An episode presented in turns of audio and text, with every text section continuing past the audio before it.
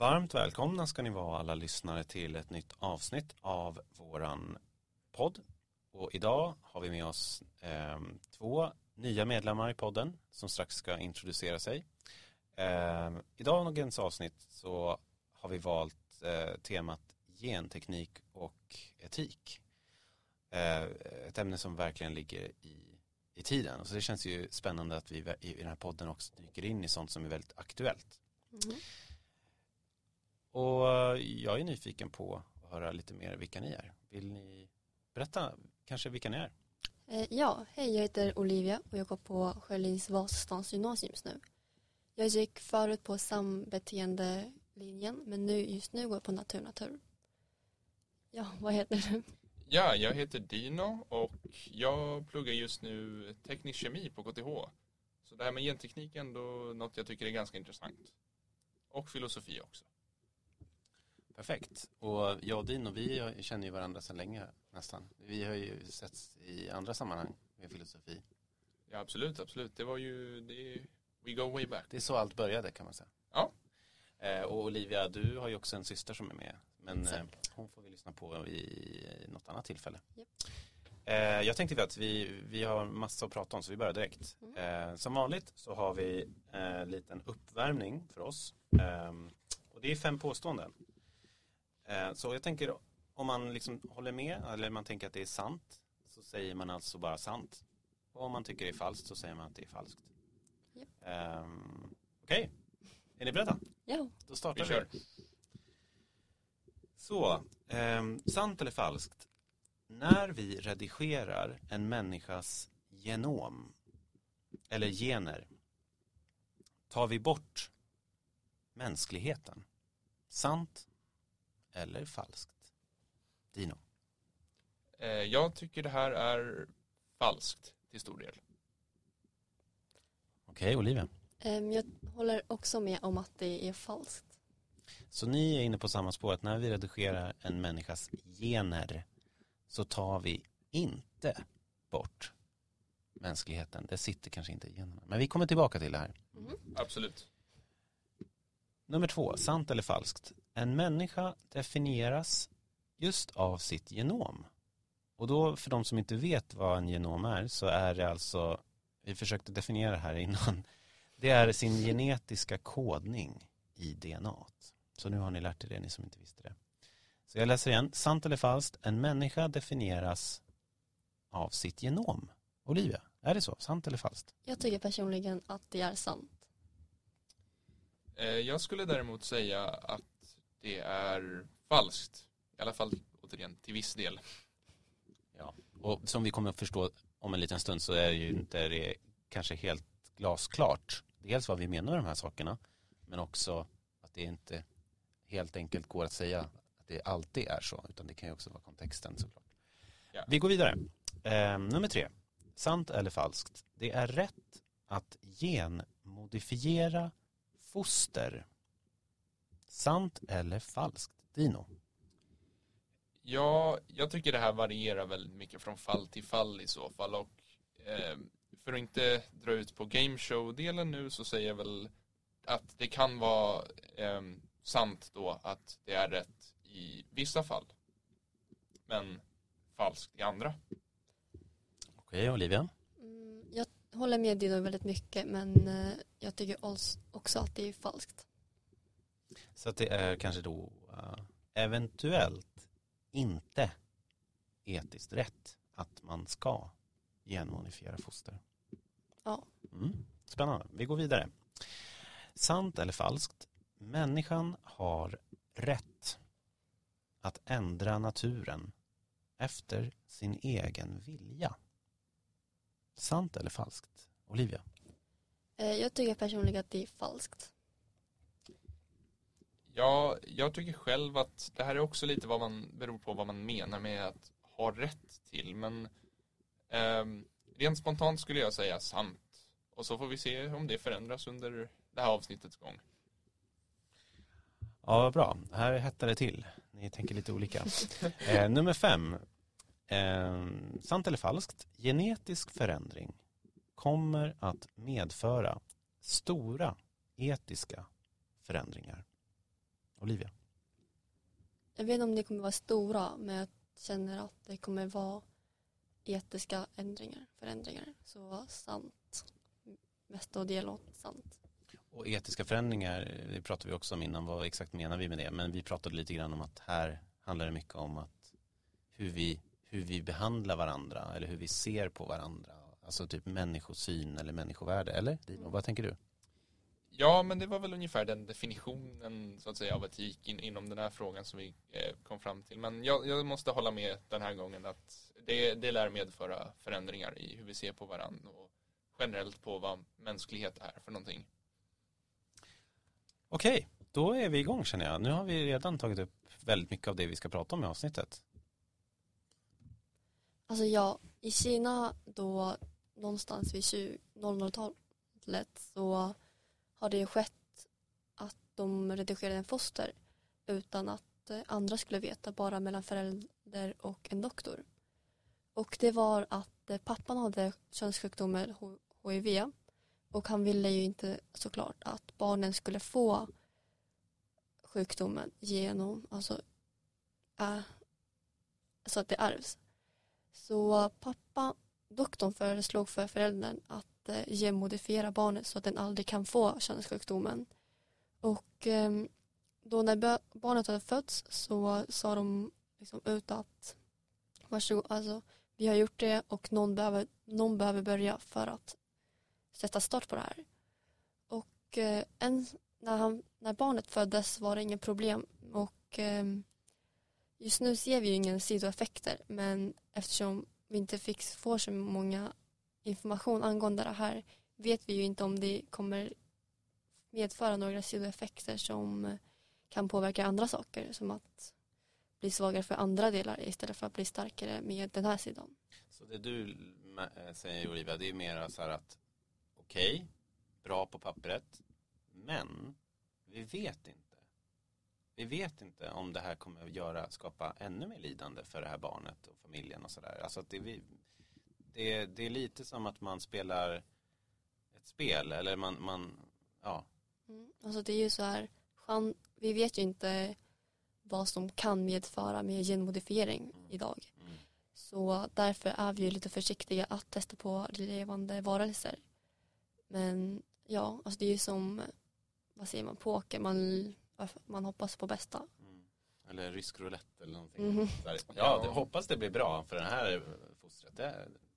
Sen är ju inte liksom kinesiska staten kanske den bästa om, om man ska få korrekt information ifrån någon så kanske inte kinesiska staten är att lita på eh, generellt. Så det kan ju vara så att de mörkar någonting. Nu vet jag inte exakt. Jag, jag har inte hört så mycket om just den här historien. Men mm. ja, det, det, kan nog vara svårt att veta kan jag tänka mig också. Så, eh, I och med att man kanske inte får tillräckligt med information. Men vi kan väl gå in lite på det här spåret då. Är det liksom, vad, vad känner du Olivia rent spontant om det här att ta bort en sjukdom eller eh, eh, ta bort liksom ens möjligheten att få en sjukdom från ett foster? Alltså jag har ju sett en film under lektionen om att eh, ett barn föds bara för att donera organer och blod för sin syster. Just nu minns jag inte rubriken på filmen men det handlar om att lilla systern skulle alltid donera blod och donera celler och till slut lungan för stora systern som hade en sorts cancer. Och då är frågan, alltså då hade de modifierat barn, lilla systern så att den skulle ha den sorts bloden som stora systern behövde. Och ehm, just det fallet så tycker jag inte att man ska använda livet på det sättet bara för att bara för en donator. För att eh, när den var fem år gammal så fick den donera blod och då visste den ju ingenting. Men desto äldre man blir så kanske man inte vill donera sin lunga för att man kanske vill bli en fotbollsspelare. Men ja, och sen därför tycker jag inte alltså det är en bra idé men det är på vilken varför man vill ha det. För såklart man alla föräldrar vill ju inte att ens barn ska bli sjuk dö av eller lida av en viss sjukdom som man inte kan bli av med. Vad tycker du? Jo, men det här är ganska intressant. För det första, jag, jag håller definitivt med dig om att, att liksom att skapa ett barn bara för så att säga meningen att vara eh, liksom organ till någon annan mm. som kanske kommer behöva dem i framtiden. Det känns ju ganska liksom etiskt fel enligt mig. Men det som är intressant med det här. Jag har läst eh, lite om en, det finns en eh, person som heter eh, Jürgen Habermas. Han, han är en ganska modern filosof, hyfsat känd tror jag. Och han har eh, talat lite om det här med genteknik och skrivit lite om det. Och en av, ett av hans argument, han är ganska motsatt det här, och ett av hans argument var just det här att man eh, när det kommer till genmodifiering av foster som har en, ett sådant specifikt ändamål som i det här fallet då blir det på något sätt att man förlorar eh, möjligheten att skapa sin egen mening och sitt eget liv. Mm. Som det här barnet kommer ju, eftersom det är ju skapat för det här specifika ändamålet. Och jag tror, jag måste ändå hålla med honom, Habermas, i just det här att man kan ju inte, då är det väldigt svårt att komma ifrån det här eftersom någon annan har bestämt att det här är din anledning, an, eh, den enda anledningen till att det existerar är just det här. Och då blir det på något sätt att man, man har inte förmåga att kontrollera sitt eget liv och göra vad man vill med det. Ja. Det sätter ju jättemycket etiska frågor också. Så här, vad är livet värt och vad har vi liksom, vad rättfärdigar genmanipul vad heter det? genmanipulation? Genmodifiering. Genmodifiering. Ja. Manipulation kanske låter lite mer ondskefullt. ondskefullt. ja, jag, jag, jag, kan inte rå för det men jag tänker på Frankenstein. Har ni läst den boken? Ja, nej jag har inte läst boken men jag, jag vet ju vad det handlar ja, exakt, Jag vet ungefär ja, också. Det är en doktor som heter Frankenstein och han eh, lyckas då skapa liv mm. ur några livlösa delar som han liksom får tag på. Eh, hans skapelse den är väldigt existentiell den här boken. Jag kan varmt rekommendera den, den är helt fantastisk alltså. Yep. Eh, eh, han ställer alla de här frågorna. Liksom. Varför har jag skapats? varför har du skapat mig? Liksom. Mm. Jag tänker att det, det, det, är ju samma sak. Liksom. Att från att skapa någonting som har ett egenvärde och ett eget rättigheter till att skapa sitt liv och mening och alla de här sakerna som Habermas verkade förespråka. Man, man drar undan det liksom. Man, man, man, man, det, det finns ju likheter med Frankenstein. alltså på ett sätt, om man ska ja, dra det till sin spets. Oh. Eh, eller vad tänker du Olivia? Ja men alltså eh, då ställer jag en sån här fråga till Dino. Men skulle det inte vara ett enklare liv att ha en alltså bestämd mening med livet? För det struglar ju många, många människor på. Varför föds jag? Varför, vad är meningen? Men eftersom den redan har en mening med livet från början och det är meningen från början att den ska vara en donator. Borde inte vara okej okay eller rätt? Ja, det, det är faktiskt en, en intressant poäng du gör där, det måste jag ändå säga. Men då är frågan om, alltså, är det bättre att ha en mening som är förutbestämd av andra, som du i princip rent existentiellt inte kan ändra på? För att det är, ju, det är ju liksom ett faktum att du är skapad för att vara organ till, din, till ditt syskon i det här fallet. Det går ju liksom rent psykologiskt inte att ändra på det faktumet. Mm. är det bättre att någon annan skapar en mening eller att man själv får skapa sin mening? För det är ju alltså jag är ett ganska stort fan av Camus och eh, rent generellt så här, existentialism och absurdism, de går ju lite in i varandra så att livet har liksom behöver inte nödvändigtvis ha någon inneboende mening eller något egenvärde men att det som är det viktiga är att man skapar sin egen mening i livet. Eh, jag har hört någonstans att så här, um, citat, eh, meaning is a sweater you have to knit yourself. Och det mm. tyckte jag var ganska fint. För det är att, ja men okej, okay, det kanske inte finns någon mening. Jag personligen är till exempel inte troende, så jag tror inte på någon skapare som har gett oss mening eller så. Och i någon mening så har ju det här barnet faktiskt en skapare som har gett en mening. Um, men då kanske man skapar sin mening själv. Mm. Och det tycker jag är mycket mer värdefullt än att någon annan skapar en mening åt den. Särskilt när den här meningen är att leva ett liv som är ganska fullt av lidande också. Som jag antar att det här barnets eh, ja. fall är. Men då kommer vi in på det här som var en av de här påståendena av sant och falskt. Eh, som ju handlar om det här med etiska. Jag tänker liksom att det här med att förlora möjligheten till att skapa sin mening som ju du är inne på det Adina. Att vi behöver få behålla den eh, friheten att leva livet eh, och, och, upptäcka meningen och, och, söka den. Jag brukar tänka att meningen finns i sökandet snarare i liksom att skapa det. Eller att det, det finns en annan filosof som heter Viktor Frankl som, som är mer kritisk för extens, existentialismen och han menar mer att mening är någonting som vi liksom upptäcker. Det är någonting som ges till oss.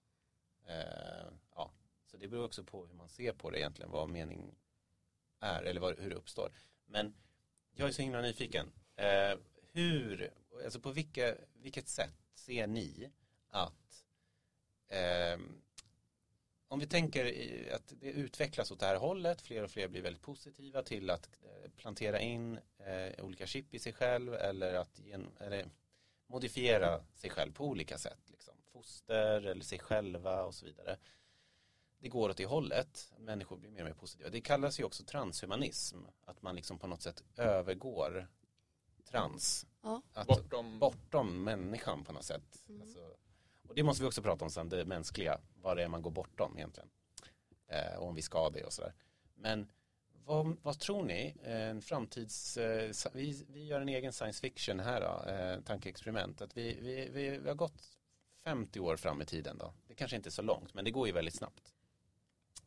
Vilka förändringar tror ni har hänt med eh, oss människor i, Eh, det, på det etiska planet? Till exempel hur vi lever, hur vi ser på varandra, hur vi är mot varandra. Eh, sådana här saker. Mm. Alltså om vi säger att man kan genmodifiera sitt barn från och med idag. Det kostar väldigt mycket från början. Alltså för, för det första. Och då kommer efter så 50 år så vet jag inte riktigt. Men efter 100, typ 100 år så kanske det blir mer vanligare. Vilket innebär att Eh, bara rika människor har chansen att genmodifiera sina barn. Det skapar också en större skillnad mellan de rika och fattiga och eh, de bättre och sämre om man ska säga så.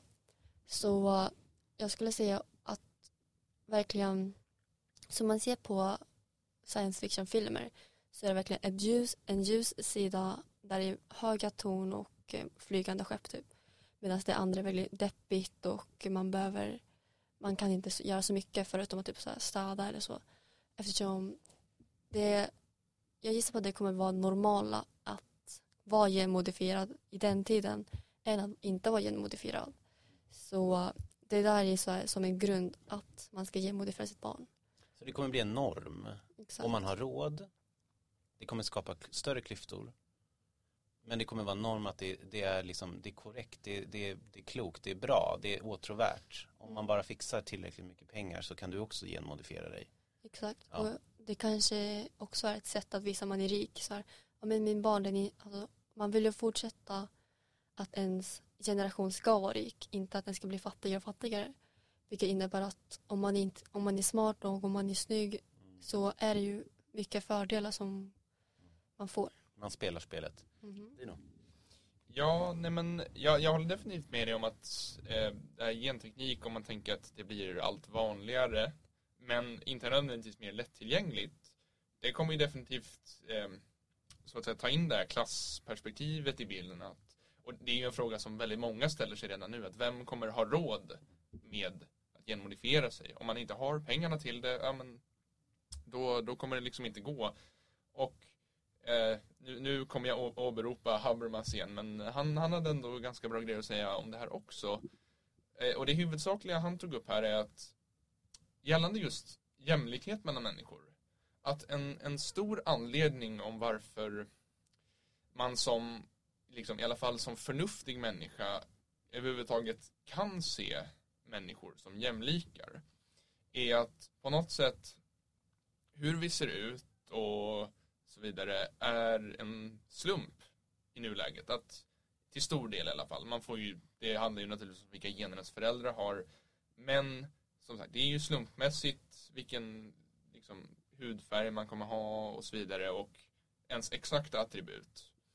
Men om det här slutar vara slumpmässigt, då kan man ju peka på att ja, men nej, jag är bättre än du för att jag har genmodifierat mig. Det är liksom, jag har ett medicinskt bevis på att jag är på något sätt en bättre människa om, om du förstår vad jag menar. Mm. det, det är det han talar om, Habermas, och som jag definitivt håller med om till viss grad att det blir svårare att se oss som jämlikar om vi inte har det här slumpmässiga i hur vi föds. Mm. Jag tycker också så här, just nu håller vi på verkligen för att göra så att science fiction blir en verklighet genom att växa organer som hjärta och eh, lungor om jag inte minns fel. Och det innebär ju att eh, på ett sätt och vis att man kan leva typ för evigt. Och eh, det är man, anledningen till att vi inte kan testa det idag, alltså använda det idag är för att vi inte är säkra om det kommer växa, om det kommer fortsätta växa i kroppen när den, när den är inuti kroppen efter att ha varit i laboratorium. Men efter 50-100 år när den är mer stabil kommer det ju användas såklart. Och det kommer ju såklart också att kostar mycket hur billigt det än är. Vilket skapar också att rika lever för det evighet. De kommer verkligen vara som en robotar av. De kan ersätta sina kroppar, kroppsdelar om, den är då, om hjärtat pumpar för svagt eller så så är det bara att ersätta till en starkare så man får bättre kondition. Om man, är, om man inte är smart så är det bara att eh, använda CRISPR-Cas9 tekniken så att man blir smartare. Och eh, ja, ansiktet då är det bara skön, skönhetsoperera så att eh, i framtiden kommer det verkligen vara som en som, som robotar om vi verkligen kommer att använda oss av den här tekniken. Men när du säger som robotar, menar du liksom att vi blir mer som typ robotlika, alltså mindre, att vi visar mindre empati eller värme eller liksom, vad menar du med robot? Um, alltså empati och känsla, det kan man ju också genom, genmodifiera genom att så här, den ska vara mer principfokuserad eller så. Men det jag menar är att bara ersätta delar av kroppen mm. går ju att göra på robotar. Typ som, ah, men den här armen funkar inte så bra, vi lägger till mer olja eller vi skapar det, eller vi skaffar en bättre metall så att den rör sig bättre. Och det kommer ju vara ganska lik med människor också om det här används. Det är, det är definitivt eh, ett intressant perspektiv så att man bara byter ut delar av sig själv på det viset. Men jag vet, då kommer vi ju lite in på det här att um, använda genteknik eller annan typ av liksom kroppsmodifiering för eh, medicinska ändamål.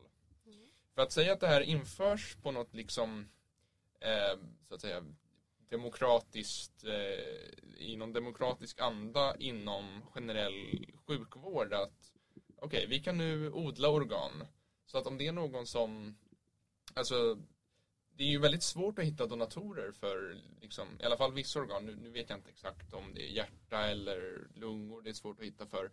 Men vore det inte bättre om man kan liksom odla fram en lunga inom citationstecken och, och sedan använda den för att rädda livet på någon? Jo, det tänkte jag också att det, alltså det är en bra idé att eh, kunna odla någonting så att vi slipper vänta tills att någon dör och sen transportera hjärtat eller lungan. Men eh, det som också vi, jag tänkte på var att eh, det kan användas på ett fel sätt. Så är, li, värdet, värdet på livet kommer att sänkas eftersom eh, man kan ju bara ersätta med en ny. Så att också saken är att det kommer att vara dyrt så fattiga människor kommer fortfarande behöva vända på en donator om det nu är billigare.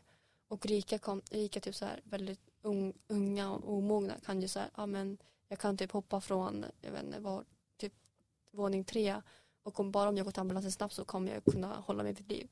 Så värdet på livet kanske också sänks på det sättet men ändå inte. Men där kommer vi in på meningen, då blir livet mer meningslöst eller är det något annat? Alltså meningslöst vet jag inte men värdet sänks på, för vi lever ju väldigt så här, alltså, bra, eller vad säger man, vårt bästa för att vi vet, vi tror och vi vet att, eh, eller vi vet inte, men att det är bara en gång vi lever och det är ju den tanken som många lever efter. Men om vi kan dö och leva upp igen tack vare den så här, och planterade hjärtat så är det ju inte lika viktigt, tänker jag. Men hörni, vi måste väl prata lite också om elefanten i rummet. Eh, vad är en människa? För vi har ju pratat lite grann om att människan är på något sätt, det är en kropp. Vi kan kanske om vi blir, om vi får ett behov, om vi blir sjuka av en ny, eh, ett organ så ska det kanske finnas odlat. Eller att man får en donation som det har varit tidigare men att det ska kosta och så vidare. Men eh, att det är dyrt liksom. Men vad tänker ni om det mänskliga? För det var också en av påståendena i början, liksom att man på något sätt eh, man, man, man redigerar bort någonting viktigt. Det känns som att vi har snuddat på det. Du pratade om Olivia att livet, livets värde mm. ja. sänks eller får en annan betydelse på något sätt. Yep. Att man kan ta det för givet på något sätt om man har råd i alla fall. Och vi har pratat också om mening som är väl en rätt så central del av att vara eh, människa. Att vilja ha mening eller söka mening eller vilja förstå varför man finns och vad som är viktigt och, och ja, sin position. Eh, vad tänker ni om det? Eh, det mänskliga, kommer det liksom kommer det försvinna eller ersättas av något annat? Ja, om vi nu ska gå in på det här så om, jag tänker att jag lägger till en fråga till det här. För det, det känns ändå ganska relevant tycker jag personligen när vi pratar om vad det är att vara människa om vi någon gång i framtiden i så fall kommer sluta vara människor ifall vi förändrar det för mycket. Att, eh, frågan är då, när blev vi människor?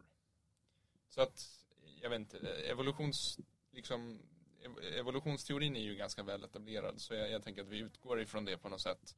Eh, och vi har ju utvecklats, jag tror att vi alla kan enas om att vi inte var människor när vi var sådana här liksom salamandrar eller skorpioner eller var vi, var vi nu utvecklades ifrån mm. i, i liksom flera miljoner miljarder år sedan.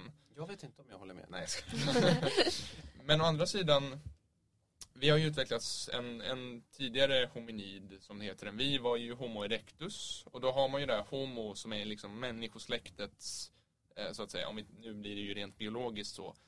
Men var de människor? Jag tror att, och neandertalarna till exempel, det är ju en annan art än vi rent biologiskt, men de ser man ju ändå som människor. Vi har ju ändå neandertal-DNA inom oss allihop.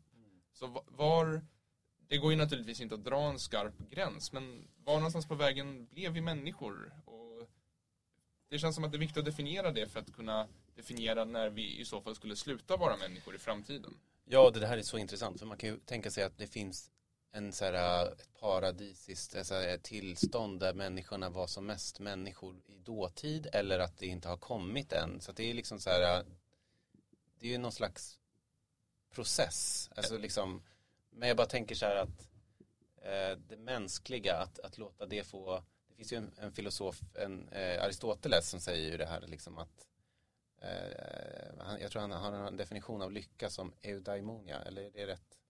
Ja, jo det, det är ju ett ord. Ja. Eh, men att, att eh, det är liksom en, en, i ett, en, vad heter det, en, eh, inte en tillfällig flyktig form av lycka utan en hållbar och långsiktig lycka som man själv är med och formar utifrån vad man har för karaktärsdrag och egenskaper som inte bara är en slags individualistisk eh, sätt att leva och tänka.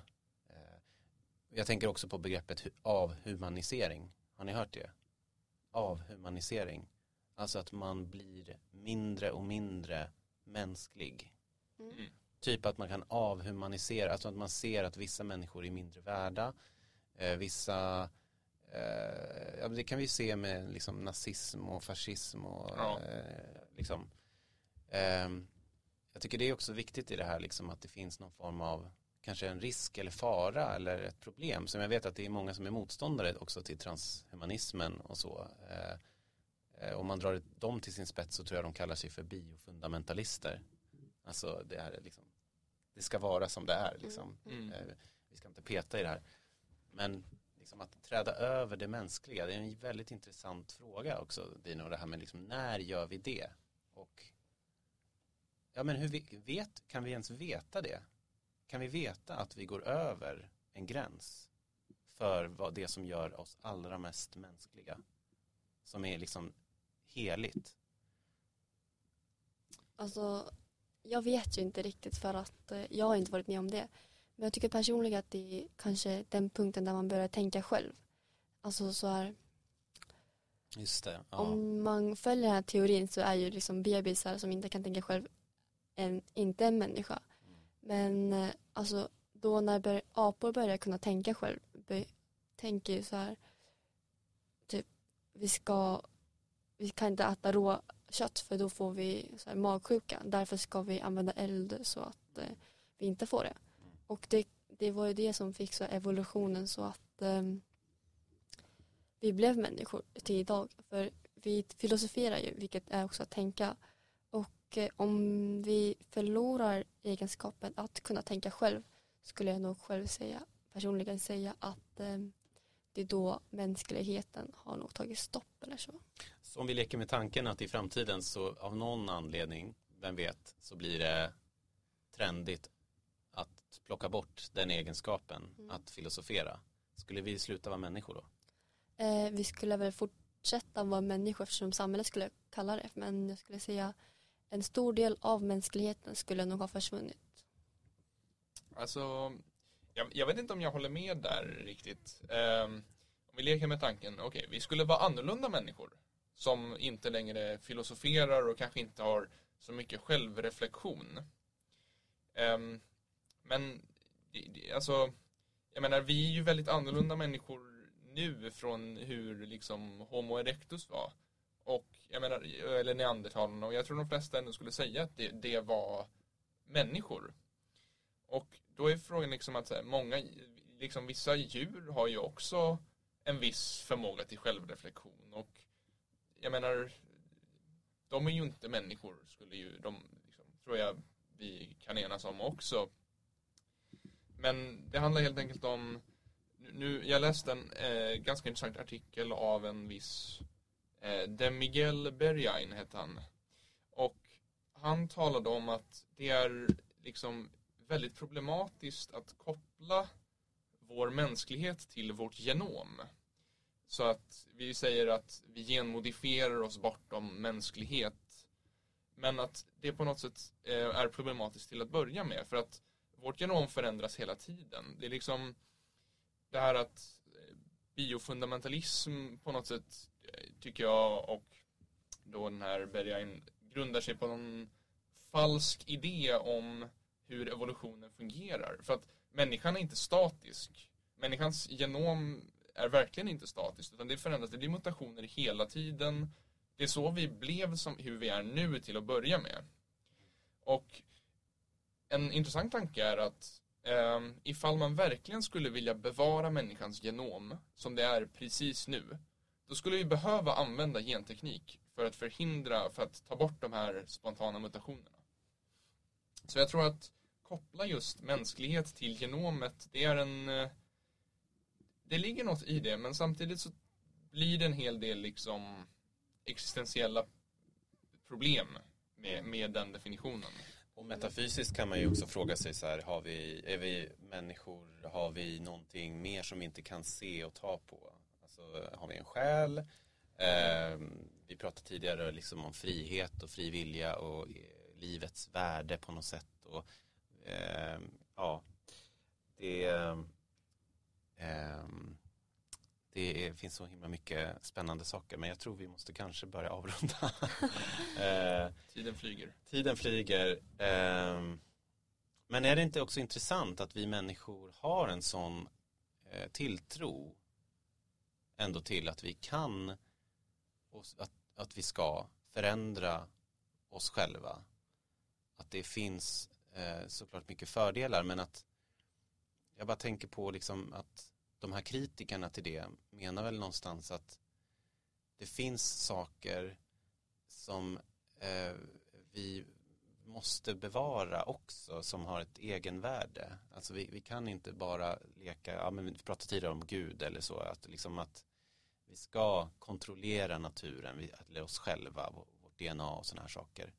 Vad tänker ni om det, de som är motståndare? Är det liksom, ligger det något i det eller är det För det här kan man ju också tänka sig att det är mänsklighetens tro på eh, men liksom att kontrollera, och manipulera, modifiera, att det har dragits till en väldig spets och håller på att göra det ännu mer. Eh, jag, jag bara tänker så att det, det, finns ju en risk att man förlorar någonting i den stora tilltron till, till de här krafterna egentligen.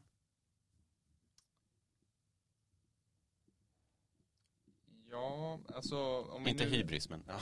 ja, nej men precis. Men om vi pratar nu om att liksom förändring jag ser inte på förändring som något liksom det är ju inte inneboende dåligt eller etiskt förkastligt att liksom medföra någon form av förändring. Det är som den här frågan, har människan rätt att eh, förändra naturen efter eget behag eller vilja?